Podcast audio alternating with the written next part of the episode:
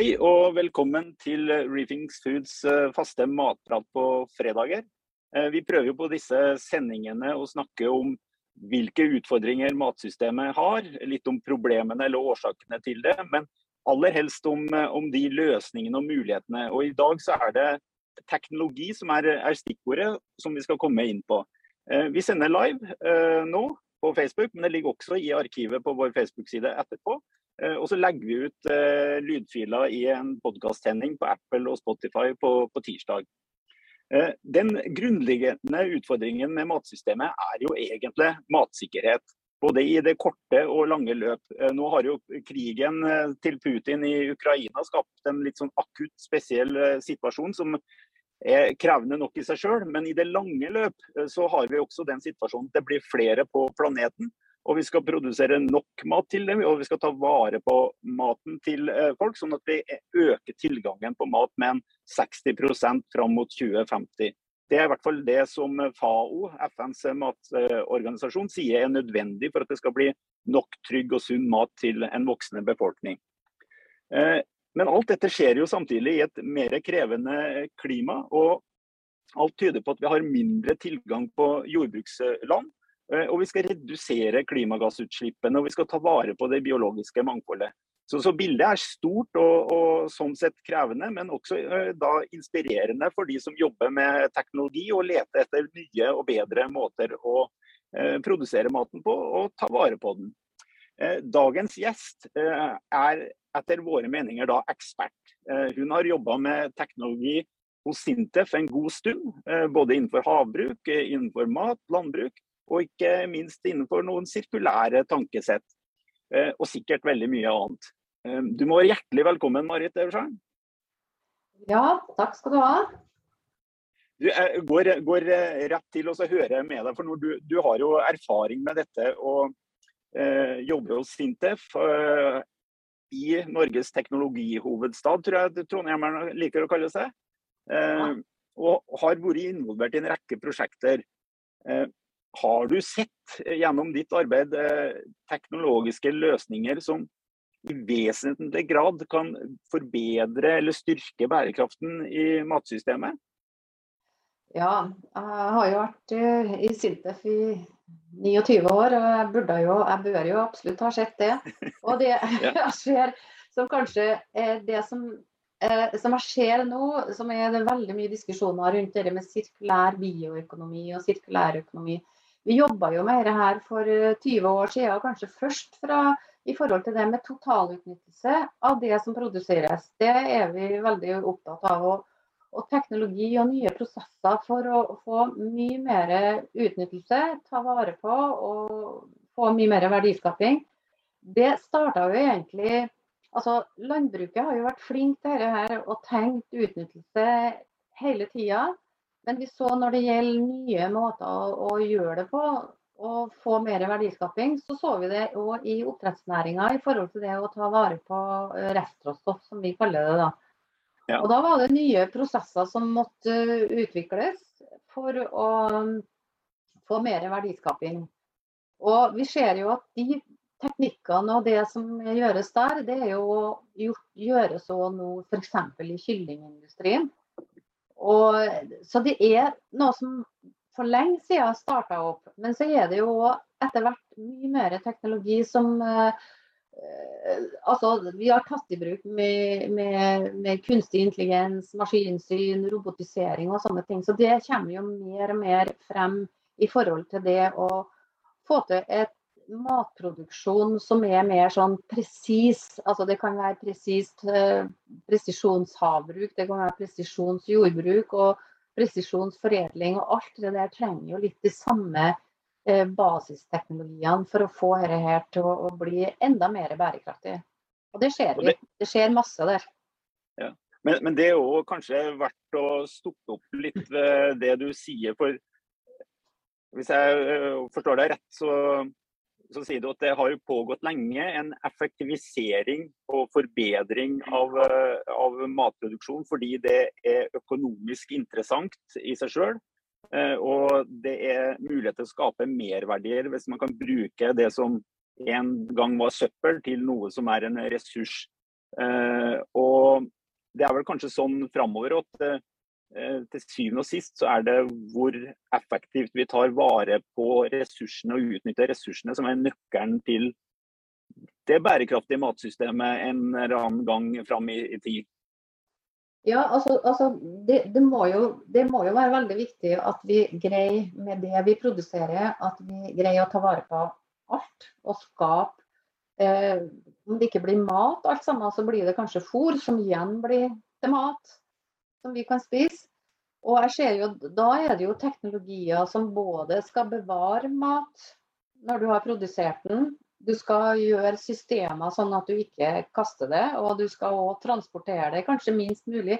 Men jeg ser jo nå begynner det å komme enda mye mer i at vi må tenke vi må jo tenke teknologi som uh, gjør uh, Altså som er mindre utslipp av uh, klimagasser. Vi må tenke teknologi rundt det kanskje mer kortreiste ting. Altså, mm. vi er jo inne i den problemstillinga rundt fôr til både kjøtt og men det kanskje mest til oppdrettsnæringa. Den er jo langreist. Vi må tenke mer bærekraftig i forhold til hvordan vi kanskje både samhandler eh, mellom, blott, altså mellom den matproduksjonen på land og det som skjer ute i havet. Jeg tror det, Vi kommer til å se ganske mye forskjellig fremover nå. og Vi har jo sett endringer, men jeg tror det er viktig. Det, det, er jo eh, mange sider ved det som ofte omkalles som blå og grønn sektor i, i, i matproduksjon. Uh, og ofte i norsk sammenheng så er det noen motstridende interesser der i forhold til uh, tolltariffer, eksport og, og, slike ting. Men sett litt sånn bort ifra det. Er, må man ha egne løsninger for liksom eh, sjømat og havbruk og fangst, og noen andre løsninger for, eh, for landbruk og landbasert eh, produksjon? Eller er det egentlig så store fellesnevnere som enkelte tar til uttrykk for når det gjelder disse to næringene? Altså, hvis vi skal utvikle eh, bærekraftige løsninger, altså teknologiske løsninger, så mer og mer så må vi jo bruke mer generisk kompetanse. Altså nøkkelkompetanse rundt, altså for å få til både sensorer og for å både se og, og gjøre et eller annet med produktene osv. Den der presisjonsordet, der, der, er det mye generisk kompetanse som vi kan bruke. Men så er det òg at de næringene må samhandle om ressursene for å få til ting. Altså når vi skal, vi kan dyrke, Jeg tror fremover så kommer vi til å, å kanskje dyrke mer marine organismer, men kanskje med rå, på råstoff som kommer fra, fra land. Jaha, hva legger du Men eh, det må du nesten eksemplifisere. Eh, jeg trodde jo laksen nå hadde blitt vegetarianere, men eh, det er ikke det en skal være i framtiden? Nei, altså jeg mener at det, det er så mye andre marine organismer. Vi er jo inne i et prosjekt som vi er sånn hoppekreps. Det er sikkert mange av oss som har sett på dem når vi løfter på noen steiner ute i fjæra. Og dyrker dem, for, å, for dem er ganske eh, De liker forskjellige råstoff, og dem kan vi dyrke for å få frem både omega-3, men også protein. Og der har vi jo hatt eh, eksempler der vi ser at de liker veldig godt forskjellige råstoffer som kommer fra eh, landbasert matproduksjon. Altså resten fra gulrot ja, men... Gulrot, ja. ja. Så, jaha, ja så eller, eller, når de uh, produserer eh, sprit, så får vi jo en sånn rest der. De liker ganske godt den. Det kan jo være alkoholinnholdet som uh, har prega dem der, men i alle fall så, så er det flere sånne løp som går, der vi kan dyrke frem ting. Ikke bare høste, men vi kan dyrke frem organismer som igjen kan produsere proteiner eller fett. Og de kan spise på en måte maten deres. Da kan jo være ting som er et restråstoff fra landbruket f.eks. Sånne snåle gulrøtter er det jo vært eh, tatt opp mange ganger og som et eh, matsvinnsproblem. Jeg er ikke sikker på om dere matsvinnet på gulrøtter er så avskrekkende når det kommer til stykket, men uansett. Uh, men når vi har slike Vi har uansett restråstoffer fra gulrøtter, eh, både på åkeren og i produksjonen av eh, bearbeidingen av gulrøttene. og da, da kan det, da, eh, ut ifra prosjekter som du har vært borti, rett og slett ende opp som mat til hoppekrets. Ja, det går an, det. det går an. Vi, har noen studier på det i hvert fall. Og jeg, ser jeg har jo vært med og leda et svært prosjekt som heter Cycle. og Der hadde vi jo potetskrell og laga filmer og testa dem på hvilket bruksområde de kunne ha. Så laga sånne tynne filmer. da. Så der er det vært flere prosjekter der de har testa ut uh, hvordan det kan fungere ut f.eks. mot, uh, altså mot uh, skadedyr på åker, f.eks. er det vel et eksempel på. Så det er og så er det veldig mye kunnskap som kanskje ligger der, som er utarbeidet fra andre næringer, som vi absolutt bør ta i bruk. Og da kommer vi litt lettere og raskere til løsningene òg.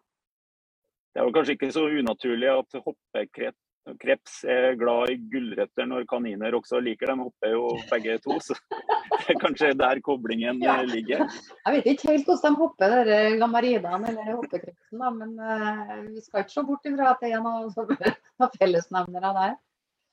Men, men eh, den uh, altså teknologi og løsninger og andre måter å tenke på for å koble uh, kan du si, den landbaserte verdikjeden og den sjømaten Eh, den går ofte gjennom eh, synergier ved å utnytte eh, råstoff og lage et riktigere fôr. Det, det, er en reell mulighet som, som, dere har vært involvert i på ulike prosjekter. Ja, og vi ser jo helt klart nå at nå lyses det ut midler òg for å komme at bedrifter kan samhandle og kom, altså, greie å ta sånne løsninger mye raskere frem til bruk. da. Ja. Og, ja. Og, og, I en sånn sammenheng, for å få frem dette, her, så trengs det jo både altså jeg tror ikke, det, det, er, det, er, jo en oppskalering som trengs veldig mange ganger. og Da er det jo oppskalering av teknologi og ny kunnskap. Og den ser vi i mange sammenhenger er utvikla kanskje med annen type prosessindustri, og som en da kan ta i bruk for å få til dette her i en sånn sammenheng rundt det med matproduksjon. da. Sånn at uh, Men uh, når Ja.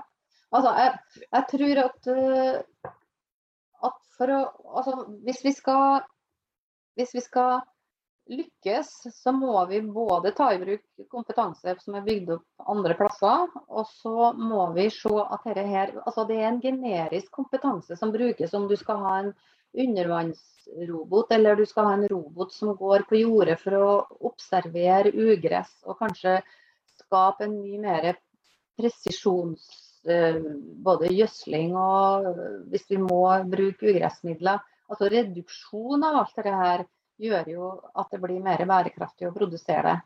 Og Sånn type teknologi vil det bli mye mer av, det er jeg nesten sikker på. Selv om det skal være bærekraftig. Det må være bærekraftig. Men du, når du sier at det vil bli mer av eh, altså Hvor langt unna er vi å ha kan vi si, klare løsninger som kan uh, i prinsippet kommersialiseres og, eller, eller, er det sånn at vi, vi står midt inne i et sånn forskningsspor? Um, jeg er jo på jakt etter uh, gryteklare løsninger som man egentlig burde ha tatt i bruk i går. har vi det, eller er vi på jakt etter løsningene? Altså, jeg tror ikke vi har helt gryteklare løsninger for den. La oss si at vi, det er snakk om f.eks. det er jo veldig mye det med autonome traktorer som går på solceller, og som har sensorer som skal igjen både observere og presisere hvis du skal ut, hvis du skal ha med deg noe gjødsel eller et eller annet ut. Dette her utvikles jo i både i, altså Globalt så har de jo kanskje både i europeisk sammenheng og i USA så forskes det jo veldig mye på rundt dette, men spesielt i, innen EU så har de jo utvikla systemer som er på uttesting, sånn som vi ser òg i Norge. Men det er veldig viktig at vi tenker norsk landbruk f.eks. i den sammenhengen, eller jordbruk. At vi utvikler både eh, logaritmer og alle de systemene der eh, som er tilpassa den produksjonen og de kulturene som vi har i Norge. Og det er jo liksom ikke ferdig spikra, for det må det skje en utviklingsarbeid på. Men det er jo veldig gledelig å se at det er veldig mange bedrifter nå som uh, det er gründere som er med å lage autonome systemer. Det er droner, det er Og det tenkes jo presisjonslandbruk. Og i utgangspunktet så har det jo dem som overskrift en bærekraft. At de skal en, skape en større en matsystem som er mer bærekraftig. Bra. Eh, men det, så konseptuelt så ligger løsningene der, og det er gründere som da har tenkt å bli steinrike sikkert på å skru sammen noe, noe, nytt. Eh, er næringene da på landbruk eller jordbruket og tilsvarende på havbruk og fiskeri og foredlingsleddene bak, er de liksom på battet i forhold til å få tatt i bruk dette her for å oppnå konkurransefordeler? Eller er det sånn at vi, vi, vi, venter og ser litt og håper at noen kommer med den ultimate løsningen, mens man liksom ikke ja, er for hissig på å ta, ta ting i, i, bruk og få, få det testa ut, sånn at det kan skaleres uh, opp? Der tror jeg det er veldig stor forskjell på den uh, havbruksnæringa spesielt. da, for det har jo noe med finansiering og muligheter. Og, og, vi så jo når vi begynte å jobbe med dem, at det, det er veldig viktig at det er utstyrsleverandørene som er på banen her. For at en, en bonde eller en, hvert fall tidligere, en, en oppdretter ville ikke på en måte være med å utvikle teknologi som alle, alle kunne bruke. Men det handler jo om rammevilkår, og det handler om penger og finansiering.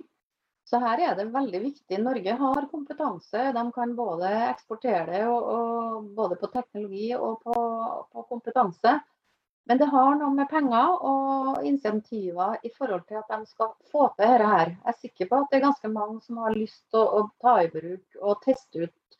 Men det som er viktig, og det, så vi jo både, det ser vi både i havbruk og i forhold til det med jordbruksproduksjon og mat, at vi kan ikke forvente at de blir testsite for å prøve ut, sånn at de plutselig mislykkes med avlinga si for at de har fått måtte ta i bruk en teknologi som ikke fungerte optimalt.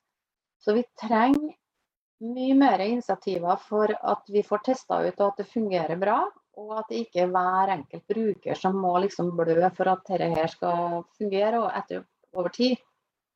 Ja, Det er eh, med andre ord ikke så mange som har lyst til å være prøvekaniner, så lenge det er en betydelig eller en reell økonomisk risiko på at uh, du taper penger på det. Og noe av dette koster vel også skjorta å kjøpe, kan jeg tenke meg. Ja da, men det, vi har òg prøvd å, å, sette sammen prosjekt der vi mener at vi skal prøve å, å bruke så eh, enkel teknologi at vi mener Altså, vi ser jo at det er noen som sier at vi skal kunne reparere mobilene våre uh, snart sjøl.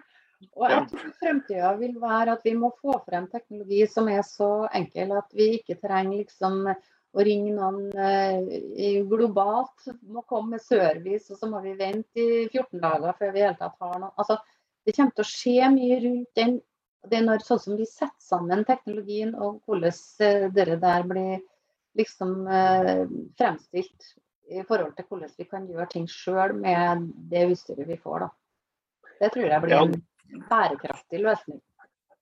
Ehm, eh, der tror jeg du er inne på. Eh, vi har jo sikkert alle våre erfaringer med bruksanvisninger og sånne ting. og Det verste jeg vet, det er en, uh, tyske bruksanvisninger. Ikke fordi de står på tysk, men fordi de er laga av sivilingeniører i Tyskland. Da, da, da, blir det et språk som ikke jeg klarer å forholde meg til. Ja. Uh, og det samme er jo med Eh, det samme er det jo med en rekke andre ting. og at Du har jo ikke tid til å drive på utforske en manual hvis du skal bruke det til en effektiv produksjon hvor det kanskje er én og to personer som jobber. Det, det, må være lett å bruke i praksis. Ja, og det, Med den kontakten som vi har hatt med, med bønder og med matprodusenter generelt, så er det jo at de sier det at vi, vi trenger jo et, et, utstyr som fungerer. Og vi vet, om ikke 100% men at vi må ha teknologi som er så godt utprøvd og testa ja. at det ikke er vi som er de prøvekaninene. Men uh, en, en, ting som jeg ble litt fascinert over, uh, som gikk igjen i noen av uh, innspillene som ble sendt til etableringen av Bionova, Det er jo noe som, som ikke finnes ennå, men regjeringen har foreslått at det skal etableres et nytt virkemiddel for å utvikle bionæringene i, i Norge sånn på, på, kort. Eh, hvor det skal være et sted å hente penger da, til kanskje å gjøre de testene og oppskaleringsarbeidene som, som du beskriver. Eh, og Der er det noen som tar til orde for at eh, med utgangspunkt i jordbruk, da, at eh, Norge er jo et såpass lite og velorganisert land. og Det er ikke mer enn eh, snaut 50 000 bønder som driver på med, med jordbruk eh, i sum. Og Derfor så burde Norge eh, velge å gripe om eh, det her teknologiske mulighetene og definere seg som et, eh, et testland, et pilotmarked for, for, teknologi, og legge det inn som en del av motivasjonen med, med statens virkemidler. Eh, er det gode tanker i, og resonnement i dine ører, eller høres det litt urealistisk ut? Nei, og, og, jeg tror absolutt, og jeg jobber jo sammen med ganske mange nå som er innenfor eh, jordbruket, landbruket, i forhold til det å få frem et landslag på, innen agritech. Og jeg tror, selv om for det første så må det jo utvikles eh, teknologi innen f.eks. Altså når vi tenker jordbruket i Norge som er tilpassa de norske forholdene. Men med det generiske teknologien altså, eh, som kommer til å komme frem nå, så tror jeg ikke det er noe problem. For kunnskapen ligger jo på og, og, teknologien som skal anvendes og sette sammen eh, løsningene som skal settes sammen, dem kan du modifisere og, og organisere. Og der, der, har en jo sett litt fra, fra havbrukssida. De har jo bygd seg opp de siste 20 årene innen teknologi og er eksportretta. Jeg mener absolutt at Norge gjennom det, de kunnskapene som vi har både på um, agronomi og på teknologi og det å utvikle løsninger rundt data og ja, digitalisering generelt, så, så, bør vi gripe den sjansen. Men jeg er enig i at vi må òg ha et landslag rundt det med å, finne, å kunne teste systemer. Uten at det er bonden i seg sjøl som skal ta på seg hele den oppgaven. De kan kanskje stille seg villig til å være med i test, som testsite. Men eh, det kan ikke være dem som skal Altså vi må ha et system rundt det der. Det tror jeg er veldig viktig for at vi skal få til den uh, utviklinga av en sånn agritech-næring og kunne tenke eksport. Det ja, gjøres jo i dag delvis. Vi har jo en eksport litt liten. Ja, jeg har jo sett det på, på noen sånn ja, det kalles ag agriteknologi eller foodteknologi. Så blir det sånn begreper agtech og foodtech eh, for de som kanskje ikke har hørt dette her eh, så mye før. Eh, men det er jo ganske svære konferanser rundt omkring i, i verden med, med de tema, temaene. Og da er det jo litt morsomt, syns jeg, å se at du finner både én og to og tre og fire norske aktører på de konferansene, som også gjerne får mye hederlig omtale og vinner innovasjonspriser på disse arrangementene. Så eh, det, det, det, det virker, virker, jo som at vi, vi liksom er med inn i, i, den bransjen på et tidlig tidspunkt og har gjort oss eh, bemerka, men det er kanskje en, en fornøyd nordmann som leser det sånn. Jeg vet ikke hva ditt inntrykk er? Nei, altså eh, jeg, jeg, ser jo helt klart at, eh, at at vi kan gjøre oss altså Vi er jo med inn i fellesprosjekter i Europa. Og vi har jo samarbeid med universiteter borti USA og England som jobber ganske mye med dette her. Og vi skal ikke være beskjeden. Jeg tror at vi må, men vi må bare ha en Det må være litt satsing. Altså, Bionova er jo en satsing, men det kan ikke være bare sånn 30 millioner. Det, det, det må være en satsing bare her. Og så er spørsmålet hvem som skal kunne være med og bidra her. Men jeg tror det er veldig viktig at vi, hvis vi vil, så får vi det til. Det er bare snakk om uh, at det er personer som brenner for det. Og vi, vi, jobber jo litt for å komme inn i de testfasilitetssystemene innen digital Europa og landbruk.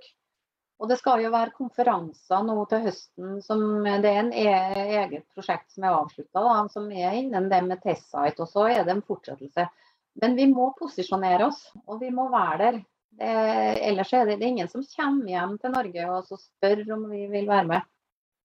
Nei, riktig. Det, eh, og De programmene du nevnte, er jo da eh, programmer som er finansiert av forskningsmidler i EU, hvor, de norske, hvor Norge gjennom EØS betaler inn ganske store summer til EU-programmene. Så, så, det er jo norske penger i, i, de systemene som vi absolutt bør være uh, i stand til å ta en høvelig andel av. Ja, og de skal jo etablere nå, det er jo en søknadsfrist nå i mai, tror jeg. Da skal de etablere fem forskjellige sånne senter da, med partnere fra forskjellige land i Europa, som skal være testfasiliteter for uh, presisjonslandbruk, teknologi rundt det å få frem løsninger som gjør det uh, mer enklere, og som òg er klima. Klima, miljø og bærekraft og er jo både sosial bærekraft og, og, ikke minst eh, at det skal være økonomisk, selvsagt. Men klima og miljø er jo inn i alle de prosjektene der. Men de vil, ha, de vil etablere større sånne testfasiliteter. Og så snakker de om sånn eh, at etter fem år så har vi noe sånn lighthouse. Altså det er liksom sånn eh, ja, viktige ting som de skal ha oppnådd, og som skal, kan tilbydes i forhold til det å, å være med og teste ut ny teknologi.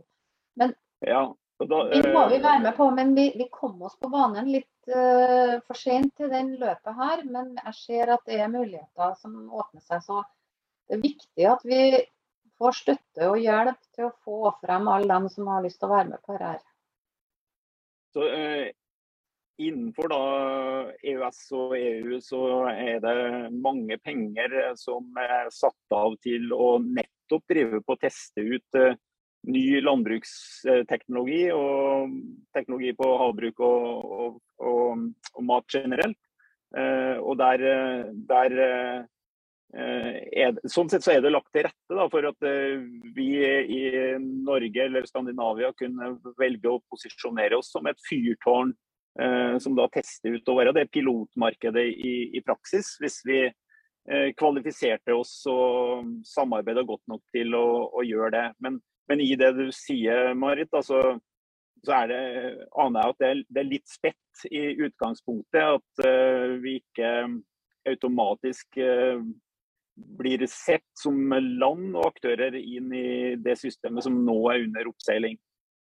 Nei, altså vi, vi må være samla. Vi, vi, får jo lov til å komme med altså, Sintef er jo med på flere prosjekter, både rundt det med droner og big data i landbruket og se ting i sammenheng og sånne ting. Og NIVIO er helt klart nå sikkert på banen i flere, eh, på flere områder.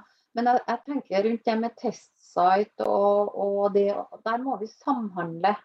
Og generelt, Vi ser jo Sverige, Nederland, Østerrike altså De er jo på banen. Selvsagt, de er inn i EU, men likevel, vi har jo samme muligheter. Kanskje ja. er noen prosjekter der kanskje ikke Norge enda har kommet på banen og kunne fullfinansiere, for det er jo noen ganger 50% og så videre. Men vi kan jo ikke sitte og vente. Vi må jo fortelle da, det systemet her at sånn er det. Vi vil veldig gjerne, og vi er en tropp her som vil gå sammen om å få til dette her. Sånn at uh, Sintef ser jo ikke at de skal være en leder kanskje av det, men vi er vant til å være med inn i EU-systemet og få opp ting, og, og vil veldig gjerne bidra. Men dette burde jo være noe både for uh, vår uh, næringsminister Vestre, og, som skal ha ar nye arbeidsplasser og uh, ny, uh, ny, verdiskaping som sitt formål. Og vår landbruks- og matminister Sandra Borch skal jo nå både klimamålene til landbruket, som er tøffe nok i seg sjøl, og alle disse bærekraftsmålene i løpet av åtte år. Så her burde jo de bidra til at vi, vi har at vi er offensive nok da, for å henge med på den utviklingen som seiler opp rundt teknologiske muligheter? Ja, jeg tror at vi må få skapt landslaget og fortalt strategien til landslaget veldig fort. Og greie å kommunisere og formidle det så fort som mulig. Ja. Fordi det, men, det, er så mye løp som går. Men når du da sier landslag, så, så, så mener du at uh, det er behov for samarbeid med ulike aktører da, som, uh, som jobber med disse tingene. Uh, hva slags aktører snakker vi om da? Er det liksom er det Orkla og Tine, eller er det hvem, altså, hvem, er det som gjør denne jobben? Ja, altså det, det er jo, det er jo matprodusentene og foredlerne og sånn som er markedet for teknologi. Men jeg tenker på en teknologileverandørindustri som skal utvikle seg i, i, Norge. For det er jo den som kan eksportere. Vi har jo rammevilkår rundt land, landbasert matproduksjon som kanskje fortsatt må være sånn som det er. Men jeg tror at vi må ha utstyrsleverandører, selvsagt. Og da kan det være utstyrsleverandører som slettes ikke nå er så har markedet sitt i, i, på matsektoren. Det har vi jo sett mange tilfeller av at de, altså de har en generisk kompetanse. Og det kan vi bruke i, for å utvikle de og de behovene som eh, presisjonsforedling eller, eller land, jordbruk har. Men vi må ha utstyrsleverandørene. Vi må ha selvsagt dem som har, definerer behovene sine. Men vi må også, her må både virkemiddel, politikere, alt. De må ha, ha et vilje til at Norge må satse på dette her. Og da er det mer enn nok. Både institutter og, og ja, dere og flere organisasjoner som er villige til å brette opp armene og prøve å samle troppene. Det tror jeg. Får vi, da får vi hive oss rundt og være med på det samarbeidet. Det er jo litt dumt hvis det er mange gode krefter som eh, egentlig jobber isolert fra hverandre, istedenfor å eh, rigge det til slik at vi, vi virkelig kan få eh, testa og utvikla teknologi som er klar til at bonden skal ta det i bruk. For du, du er jo relativt tydelig eh, i det du sier på at eh, skal vi vente på at eh, at eh, gårdbrukeren eller oppdrettsanleggene eh, blir nysgjerrig nok på å teste ut ting som kanskje kan virke, så, så vil utviklingen gå for seint. De er klare til å investere inn i det som virker og som gir lønnsomhet, men det er ikke særlig, eh, særlig klar til å investere inn i høy økonomisk risiko. Det er slik jeg leser deg. Ja, og så ser jeg at nå, hvis, hvis, vi får med oss både matprodusenter og utstyrsleverandører i EU-sammenheng, så får de midler. Mens i Norge, når vi søker finansiering Selvsagt, det har blitt en del endringer de siste årene. Men likevel så sliter vi jo med den f.eks. innenfor flere sånne virkemidler, at de må vise egeninnsats med masse timer. Og veldig mange av de bedriftene her er jo små bedrifter. Ja. Sånn at de må gjøre om sånn at gründere og, og bønder og eh, altså produsenter som ikke er liksom store bedrifter med masse ansatte, kan òg være med å få en god del både midler til forskning, selvsagt, men òg til utvikling. Ja. Men det, jeg vet jo at hvis når virkemiddelapparatet hører, så sier de jo, men det herre finnes og det herre finnes. Jo da, det fins, men jeg tror nok vi erfarer at eh, de små gründerne, eller de gründerne, de sliter med å, å, kunne få ut store, ganske høye summer på det med forskning og utvikling og innovasjon pga. at de må vise så mye egeninnsats. Motivasjon er jo der, men de har jo ikke antall timer for å, å få ut de midlene. Så det er jo forståelig at de sier at det finnes virkemidler, for det, ikke, det, det finnes jo virkemidler i det norske virkemiddelapparatet med Innovasjon Norge og Enova og regionale midler, og Forskningsrådet er jo til dels aktuelle her også.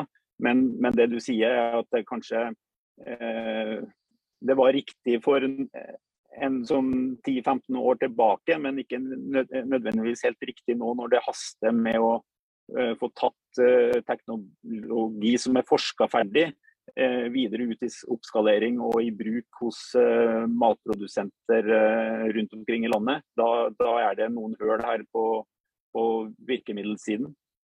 Ja, både hvis det, hvis det, er noen gründere som kanskje må ha hjelp til å forske, altså gjøre litt mer forskning på systemene sine.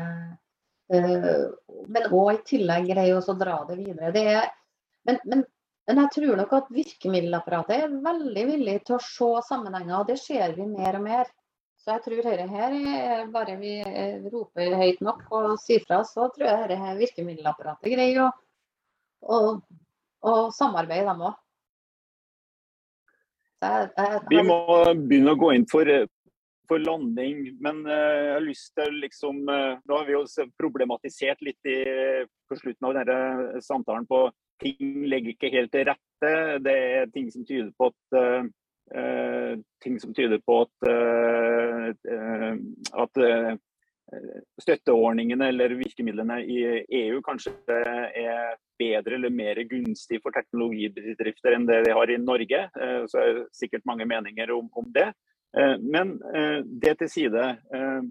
Når du da ser framover og har med deg den kunnskapen om uh, hva som finnes av uh, nye teknologier, om det er digitalisering eller noe annet. Um, kan, vi, uh, kan vi ha ambisjoner om å være en sånn teknologi- og kunnskapseksportør innenfor de bruk av, bruk av biomasse eller liksom biologisk produksjon? Eh, på samme måte som vi har jo etablert en helt fantastisk imponerende leverandørindustri til offshorevirksomheten vår med, med, olje og gass. Altså, kan vi være såpass uh, hårete på vegne av uh, det vi skal bruke mer av? For nå har vi vært flinke til å utvikle leverandørindustri på noe som vi skal slutte med. og så skal vi begynne å bruke de fornybare ressursene, både biologiske og på kraftsida. Eh, er det mulig å gjenta den suksessen eh, som vi strengt tatt har? Ja, altså kanskje ikke eh, volummessig i forhold til Hvis vi sammenligner oss med olje og energi, så er det jo en tøff bransje å sammenligne seg med. Men det skal jo ikke hindre eh, Norge fra å kunne være med å utvikle, eh, altså utvikle teknologibedrifter som helt klart er nødt til, og det vi, ser vi jo i oppdrettsnæringa, de er jo nødt til eksport. Det ser vi hvis det er noen som skal utvikle eh, redskap for fiskeri òg. Så, så, så, er det jo den, den, den, balansen der mellom at du, du bidrar til et eh, nasjonalt marked og et behov, og utvikle teknologi for at det passer til det norske eh, jordbruket f.eks., så må det være basert på eksport. Og det er jo masse muligheter. Det kommer jo til fremover. Og hvis vi finner og bruker den kompetansen vi har og finner løsninger for å få til et, et mer bærekraftig matsystem. Alt fra å ta i bruk mye mer av råstoffet, ny teknologi for å ja, Bare det å bruke annen type eh, Altså vi kan bruke solceller, vi kan bruke f.eks. ha solceller og skape energi på gården gjennom solceller osv. osv.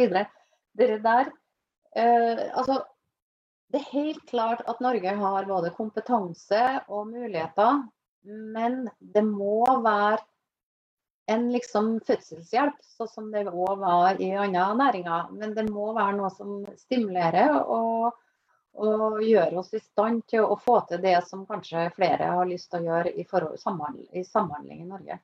Vi, vi, vi, får det til, kanskje ikke med det voldsomme volumet som vi har sett for olje og gass, uh, og heller kanskje ikke på oppdrettssida. Men, men, det vi må være klar over at det som vi utvikler kanskje mot jordbruk, det kan jo brukes i andre sektorer òg.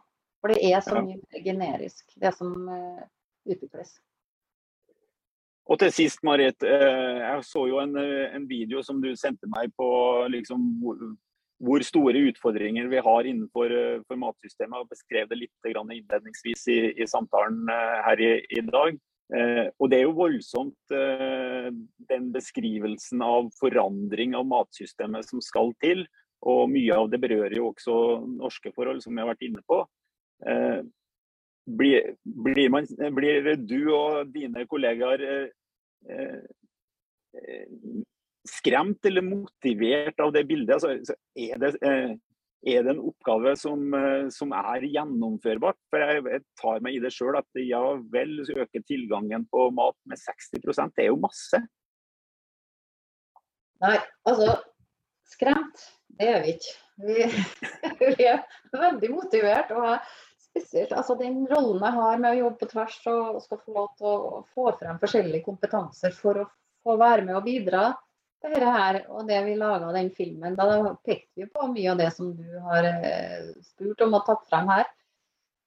Vi, vi må bare vi, Jeg er veldig, veldig motivert for å, å, være med og bidra til å både dra frem landslag for testfasiliteter og for å få til ting rundt dette her. Og få frem den kunnskapen vi har for å være med å løse eh, problemstillinger. Selvsagt sammen med andre eh, forskningsinstitutt, teknologileverandører osv.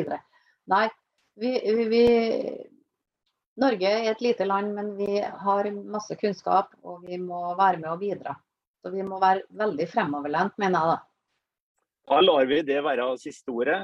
Oppgaven er stor, men en små land kan fikse det. Det er en bra oppsummering. Ja, helt sikkert. Takk skal du ha.